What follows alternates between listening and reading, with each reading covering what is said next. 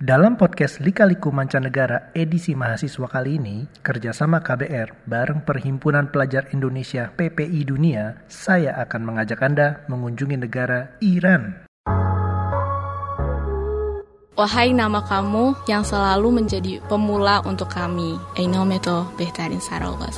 Selain namamu, tidak ada lagi yang bisa memulai hal-hal yang ada di permukaan bumi ini. Wahai kamu yang namamu selalu ada di setiap jiwa dan selain namamu tidak ada di dalam lidahku. Itu orang Iran memulai itu di setiap bukunya. Halo semuanya, kita berjumpa lagi di program Lika-Liku Mancanegara bersama saya Bimo Bramantio. Untuk kali ini kita diajak untuk melalang buana bepergian mendengarkan cerita di negara Iran. Sudah hadir bersama saya Bahesti Zahra. Beliau itu berkuliah di University of Tehran di jurusan Teknik Industri tahun 2014 sampai 2018 Beliau juga sekjen IPI Iran, Ikatan Pelajar Indonesia, bukan PPI ya Mbak namanya ya. IPI Iran di tahun 2016 sampai 2017, lalu lanjut menjadi wakil presiden IPI Iran 2017-2018. Mbak Hesti ini juga aktif menjadi sekretaris umum PPI Dunia di tahun 2018 sampai 2019. Nah, halo Mbak Hesti. Hai. Terima kasih atas waktunya. Ya, sama-sama. Mbak Hesti, Aku mau mulai dengan pertanyaan histori hingga kamu bisa sampai ke Iran. Karena itu cukup unik. Aku bayangin gak terlalu banyak sepertinya pelajar Indonesia yang belajar ke Iran. Oke, okay, jadi sebenarnya tuh pas SMA itu pas kita mau UN ya, nulis cita-citanya kan mau kuliah di mana gitu mm -hmm. kan. Nah, terus itu tuh kita tempel di dinding sekolah. Nah, okay. sebenarnya waktu itu aku nggak pernah ada pikiran untuk kuliah di luar negeri ketika teman-teman berharap kuliah di luar negeri, apalagi di Eropa ya. Okay. Uh, saat itu emang aku ngejar PTN di Indonesia sih. Oke, okay. ini kamu kan S1 ya di Iran S1, ya? okay, ya, okay. Uh, dan itu favorite banget gitu kan di Indonesia gitu. Tapi ternyata setelah aku keterima, karena keterbatasan ekonomi, aku tidak bisa melanjutkan kuliah di sana. Oke. Okay. Maka setelah itu aku nyari beasiswa di Indonesia dan aku dapat universitas swasta. Aku sempat kuliah tiga semester di situ jurusanku berbeda dengan yang aku ambil di Iran, kesehatan masyarakat. Setelah tiga semester, itu beasiswaku kan selesai tuh di semester tiga. Okay. Alhamdulillah saat itu tiba-tiba dapat berita bahwa aku keterima beasiswa di Iran. Sebenarnya selama aku kuliah karena aku berpikir semester tiga beasiswaku akan selesai, aku emang nyari-nyari sih okay. di mana aja sih ada beasiswa gitu kan. Okay. Karena aku tahu keluarga aku tuh nggak mampu untuk membiayai aku, walaupun aku kerja, aku di situ juga part time ya kerja juga. Jadi aku nyari beasiswa ke mana pun aku apply fly. Okay. So karena itu berita gembira banget, aku udah nggak itu lagi, udah langsung fly ke sana. Okay. Gitu. Dan itu beasiswanya dari Iran apa dari Indonesia? Oke, okay, itu beasiswa di sana. Sebenarnya kalau di Iran itu ada dua tipe untuk mencari beasiswa ya. Satu ke kampusnya sendiri, dua dari Kementerian Menristeknya di sana sendiri. Hmm. Aku daftar yang di Menristeknya. Hmm, Okay. Kenapa? Karena kampusnya terlalu banyak kayak di sana. Tapi kan yang favorite-nya itu adalah University of Tehran. Waktu itu aku udah minder sendirian sih kayak, iya. aduh, University of Tehran aku bisa lolos nggak ya? Iya, Maka itu dari kan itu universitas nasionalnya gitu betul, kan. Betul. Okay. Dan itu universitas tertua di sana. Jadi aku mikirnya kayak udah deh, gak usah maruk-maruk yang penting keterima dulu deh di beasiswa Kemenristek. Ternyata keterima dan itu dapetnya juga alhamdulillah University of Tehran. Oh gitu. Like that. wow. Dan ya udah deh langsung ke sana. Terus gimana perjalanan waktu ke sana? Visa ngurus apa segala itu oh, gimana? itu sebenarnya ngurus visa itu jadi aku tuh dapat uh, beritanya tuh telat Oke. Okay. Ternyata tinggal dua minggu lagi itu perkuliahan udah dimulai. Ya, pendek banget dua minggu. banget dan ternyata aku kan ngurus visa itu udah seminggu untuk aku aku bolak balik tiap hari pokoknya visa visa visa visa gitu kan. Alhamdulillah dapat. Ya tapi nyampe di sana aku telat. Terus pas masuk tuh sebenarnya udah mulai perkuliahan hmm. dan di situ udah mulai tes tes ya. Jadi tiap hari itu kan mereka ada quiz. Aku masih inget banget pas sampai di sana musim gugur udaranya cuacanya dingin. Dia gugurnya sama kayak Eropa. Jadi ya, jadi di sana tuh ada Oktoberan gitu. Ha -ha, oh. Jadi ada empat musim. Musim semi, musim panas, musim gugur, musim salju. Oke. Okay. Aku nyampe pas musim gugur. Musim gugur. Nah, ya. pas kelas pertama yang aku ikutin adalah kelas bahasa Inggris. Alhamdulillah kelas bahasa Inggris di okay. situ. Terus uh, masih bisa ngikutin dan ternyata alhamdulillah puas banget sih Astaga. Tapi emang waktu kamu ke sana tuh pertama belajarnya bahasa ya? Uh, jadi emang kalau buat orang asing yang mau ke sana, mm-hmm. mau nggak mau untuk bahasanya itu harus bisa bahasa Persia ya.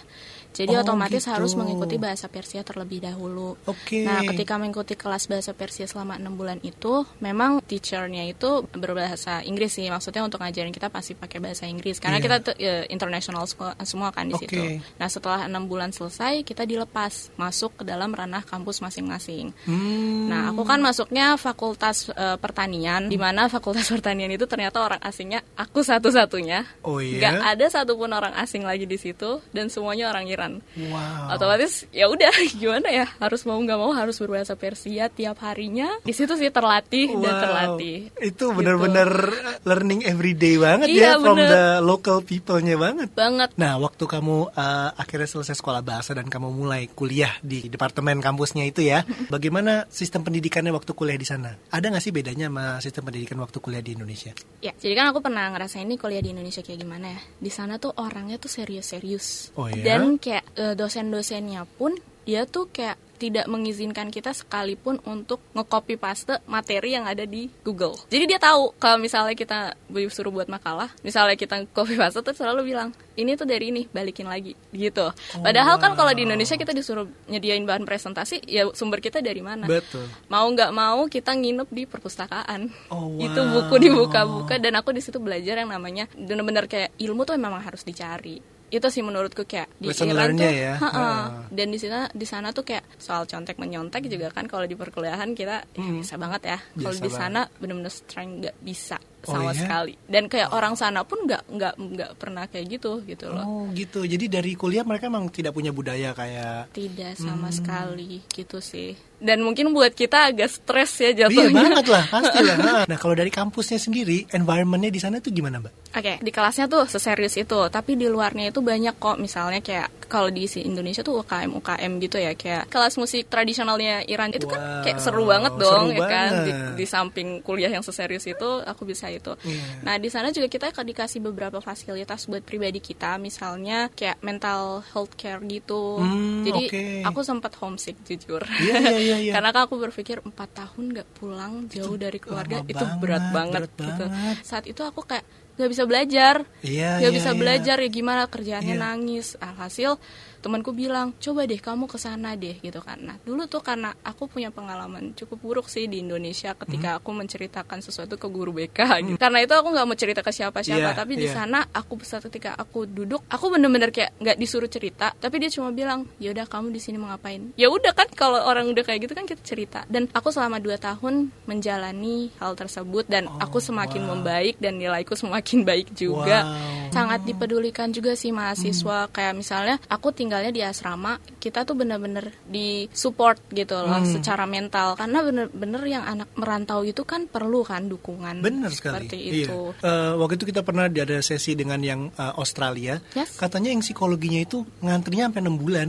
Uh, jadi kayaknya itu common. Jadi semua orang banyak Banget. yang merasakan itu gitu iya, ya. betul betul. Apalagi kalau mungkin orang sana ya orang asing tuh mereka nggak kayak kita yang suka ngobrol sana iya, sini uh. jadi mereka tuh lebih milih untuk berkonsultasi maka yeah. di sana bener-bener yang namanya ngambil giliran tuh susah sih tapi karena aku orang asing jadi aku bener-bener diprioritaskan yeah, yeah, seperti yeah. itu itu kan dari sisi mental kalau yes. dari sisi fisiknya gimana mbak nah kalau dari sisi fisik ya itu kita juga sebenarnya ketika masuk kuliah kita tuh diberi buku catatan kesehatan. Nah itu tuh uh, ketika kita sakit kita harus bawa buku itu dan kita dikasih fasilitas 100% gratis termasuk iya uh, obat iya. dan lain-lain dan termasuk kayak uh, buat kacamata oh, gigi nice. dan lain-lain itu kacamata gigi itu di cover ya? Mm dari kampusnya itu ya Mbak? dari kampusnya dan Wah, itu nggak cuma buat orang asing sebenarnya buat orang Irannya pun gratis yeah. karena subsidi dari negara. Lengkap banget ya mentalnya ada fisiknya mm juga di cover. Cuman uh, bagaimana sih dengan kebutuhan-kebutuhan lainnya kayak kebutuhan sehari-hari gitu? Apakah itu sesuatu yang kita harus perjuangkan untuk dapatkan dengan uh, apa part time atau kerja biasanya Oke, jadi kan tadi aku udah nyebutin ya tipe-tipe beasiswanya. Uh, kita sebenarnya ada tipe A, tipe B, dan tipe C. Uh, kalau tipe A itu full scholarship, jadi ada uang sakunya juga. Nah, sedangkan tipe B yang aku dapetin tuh tipe, tipe B, itu tidak termasuk uang saku. Dan tipe C itu dia nggak dapet uang makan sebenarnya. Okay. Nah, ketika aku di situ gak ada uang saku, dan sebenarnya kalau di Iran itu kita nggak bisa ya transfer duit dari Indonesia atau dari luar negeri. Okay. Maka kita harus mau nggak mau saya pribadi berumpama untuk mencari kerja. Yeah. Nah di sana tuh sebenarnya kan uh, di paspor kita tuh tertera ya tidak boleh bekerja Mm. Uh, tapi tidak boleh bekerjanya itu di instansi negara. Mm, okay. So saya mencari part time ya biasa ya kalau part time itu kan untuk mahasiswa yang gampang tuh di cafe shop mm. dan lain-lain mm. gitu. Dan, itu memungkinkan di sana iya, ya? Iya memungkinkan dan saya ya available-nya cuma itu doang sih yeah, di yeah. coffee shop. Pernah juga kerja di tour and travel. Oke. Okay. Uh, itu jadi penerjemah bahasa Inggris. Jadi ya di situ sih dan aku yeah. jadi tour leader. Yeah. Nah menarik. itu buat nambah-nambahin uang yeah, yeah, gitu. Menarik menarik. Uh, jadi tercover juga. Oke okay, oke. Okay. jadi di hmm. Iran tuh membutuhkan sekali eh, orang-orang yang bisa berbahasa Inggris. Jadi di sering diminta buat part time sih. Jadi kan di sana kan bahasa keduanya adalah bahasa Inggris dan mereka untuk memperkuat oh, okay. uh, orang apa sih masyarakat di sana ya perlu banget untuk mengajarkan bahasa Inggris. Hmm. Jadi itu biasanya dari orang-orang asing. Oh gitu. Itu uh, kulturnya di sana gimana sih Mbak? Orang-orangnya, karakternya? Kulturnya orang Iran ya aku mungkin bagi jadi tiga kali ya. Oke. Okay. Jadi yang pertama itu mereka tuh orang kaya banget. Orang Iran? Orang Iran. Oh, wow. Mereka tuh kehidupannya standarnya tinggi sekali. Oh wow. Jadi mungkin kalau mereka ke Indonesia kayak ngelihat kita makan di kaki lima buat oh. mereka nggak begitu nggak banget nah, gitu lah ya banget lah ya karena oh, wow. di sana bisa dibilang orang miskin pun dia masih punya sofa masih punya karpet yang apa sih dari wow. rajut tangan gitu. Ya, standar hidupnya setinggi itu ya. Standar hidupnya tinggi sekali, apalagi perempuannya. Paharnya orang Iran, perempuan Iran itu harus sesuai dengan tanggal lahirnya mereka. Berapa gram emas gitu yeah. kan. Kalau di sana pakai koin, okay. koin emas. Nah, itu angka koinnya harus sesuai dengan angka kelahirannya mereka. Oh. Misalnya 2009. Oke, okay, 2009. Waduh. Kayak gitu koinnya. Sebanyak itu. Sebanyak itu bagian dari kultur ya? Iya, betul hmm. sekali. Kehidupan mereka tuh sangat mewah. Terus yang kedua, wow. mereka sangat berbudaya. Okay. Di mana pun mereka pergi itu yang namanya syair karena kan di sana emang melahirkan banyak filosof dan juga penyair ya di dunia. Sastranya kan termasuk sastra paling tua di dunia Persia gitu. Hmm. Maka di acara apa pun perayaan apa pun mereka selalu membacakan syair tersebut. Oh, wow. gitu. Jadi di setiap sudut, di setiap buku, di setiap sehari-harinya itu mereka berperibahasa ya? dan lain-lain gitu. Dan yang ketiga adalah keagamaan. Jadi dari dulu juga mereka kan pusatnya agama ya, beraneka ragam agama gitu. Jadi di perayaan apa pun itu mereka ikut sertakan dan sangat kental gitu loh di perayaannya. Misalnya kayak di tahun barunya mereka, tahun barunya mereka tuh kan sebenarnya zaman dulu tuh kan Zoroaster yang mengadakan. Mereka tuh mengikuti uh, lingkarannya matahari bukan seperti kita lingkarannya bumi gitu kan. Mereka matahari maka tahunnya mereka sama kita beda. Sekarang kita ada tahun 2019 di sana tahunnya 1397 Arab juga beda ya? Sama Arab juga beda karena oh. kalau Arab kan kamari ngikutin bulan. Oh. kalau mereka ngikutin uh, matahari. Oh. nah ketika tahun barunya dulu kan maksudnya kepercayaan mereka adalah kepercayaan seperti itu. Sekarang dibaluti dengan agama karena sudah menjadi Republik Islamik Iran gitu. Maka saat pembacaannya itu ada tuh kayak pembacaan ya muqallibal qulubi wal absor ya mudabbiral laili wan nahar gitu. Maksudnya itu untuk membolak-balikan hati gitu kan, mem, uh, apa sih memberikan rezeki yang bertambah gitu. Itu pakai bahasa Arab dan ayat Al-Qur'an seperti itu. Jadi semuanya tuh berhubungan. Hmm. Kayak gitu sih. Jadi bahasa Persia sama bahasa Arab juga banyak dipakai di situ ya? Iya, hmm. uh -uh. dan uh, tapi bahasa Persia beda sih sama bahasa bahasa beda Arab. ya. Uh -uh. Tapi kalau kayak orang baca syair gitu dia pakai bahasa Persia? Bahasa Persia, hmm. bahasa Persia. Uh -uh. Kalau kehidupan beragamanya sendiri di sana gimana Mbak? Maksudnya kan uh, dia Islamic Republic, tapi kan banyak juga yang uh, tidak Islam di sana. Bagaimana sih orang di sana uh, membaurnya? Oke. Okay.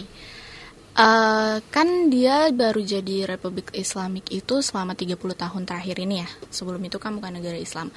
Tapi di sana sendiri uh, selain agama Islam tuh ada agama-agama lain kayak Kristen, terus Yahudi, bahkan masih ada agama uh, dari zaman dulunya mereka tuh adalah Zoroaster itu masih Hmm. ada. Itu original dari sana kan? Originally Oke. dari sana dan eh, maksudnya pusatnya agama Zoroaster tuh dari sana Iya, gitu. oke. Dan maksudnya temanku di kampus pun masih ada dua orang Yahudi teman sekelasku gitu kan. Oke. Dan di sana ya udah agama bagi seseorang ya masing-masing gitu. Hmm. Bagimu agamaku, bagi bagimu agamamu seperti itu. Eh, terus kalau di sana tuh eh, hukumnya pun kalau hukum negara ya bagi bagi setiap agama itu ngikutin peraturan agama itu sendiri. Jadi misalnya kalau misalnya untuk Nasrani ya dia ngikutin hukumnya Nasrani, buat yang Islam ngikutin Islam Hmm, seperti itu. oke. Gitu. Berarti kamu di sana eh, nggak ada eh, problem untuk nemuin musola, masjid gitu dong ya? Oh, nggak sama sekali karena di sana maksudnya kadang ada masjid di sampingnya ada juga gereja. Oke. Kayak gitu. Jadi ya. sangat gampang sih untuk beragama di sana, Oke. agama apa pun. Agama apa pun ya. Oke. ha-ha, aman. Oh, Oke, very nice.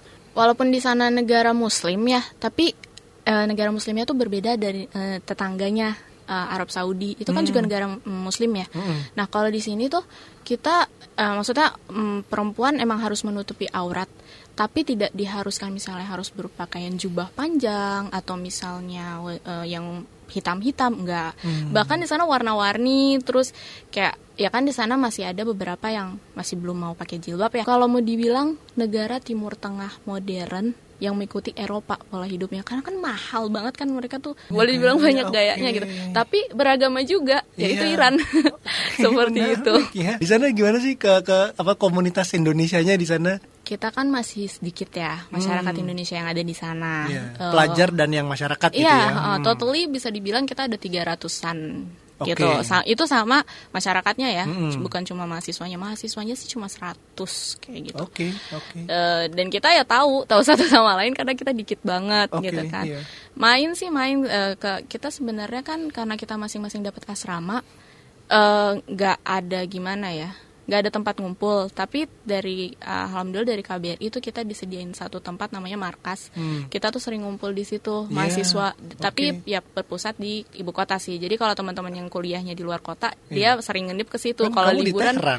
iya kalau aku kan di situ jadi tetap aja kan kalau kita mau ngumpul-ngumpul ya udah di situ Iya. Eh, terus kalau ngumpul-ngumpul di situ, ya kita ngapain ya? Kita tuh kayak kegiatan tuh kita ada IP Iran, kegiatan ada, tapi karena kita jumlahnya cuma 80 eh 48 orang, jadi nggak bisa ngadain event yang terlalu besar kecuali kayak eh, International Day kita bisa ikut serta gitu kan. Cuma buat kitanya sendiri kita ke lebih ke support psikologi masing-masing sih. Kayak misalnya yang udah lama kuliah tuh sering nge-support adik-adiknya. Hmm, Karena kan iya, iya. gimana ya? Bisa cukup tertekan juga ya karena Iya, iya, harus pressure menggunakan. Mm-mm. bahasa Persia untuk kuliah itu, Itu susah. ya. Itu susah. Terus kita sering nyontohin satu sama lain kalau mau belanja ini begini loh kayak gitu.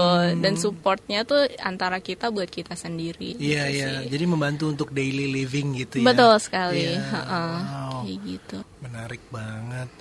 Menarik banget Mbak Hesti. Ini Iran tuh budayanya eh, kaya. Aku baru belajar kali ini ya kan. Aku mau minta satu lagi eh, terakhir sebelum kita closing.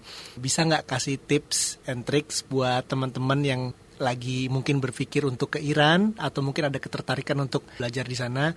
Ada tips and tricks eh, based on your experience nggak untuk teman-teman pendengar?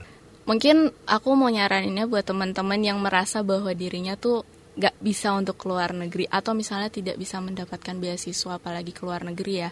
Maksudku kita harus tetap optimis sih. Oke. Gitu. Gimana pun juga kalau kita mau, kalau kita ingin, itu pasti kebuka jalannya.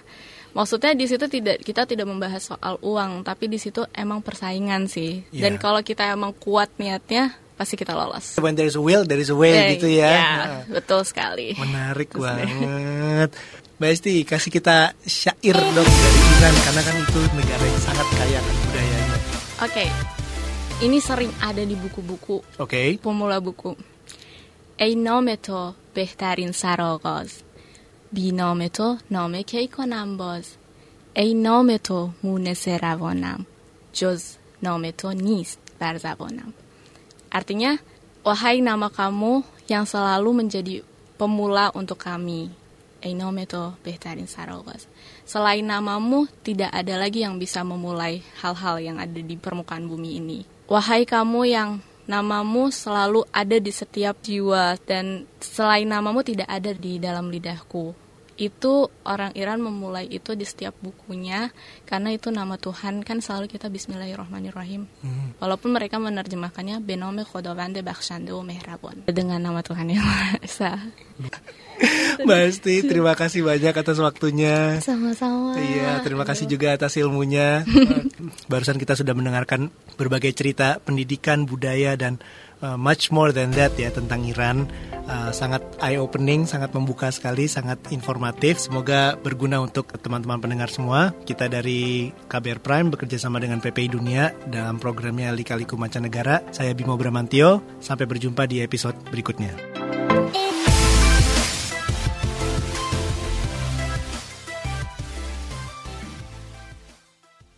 Selalu simak podcast Lika-Liku Mancanegara edisi mahasiswa lewat kbrprime.id. Nantikan podcast berikut edisi belajar di Prancis.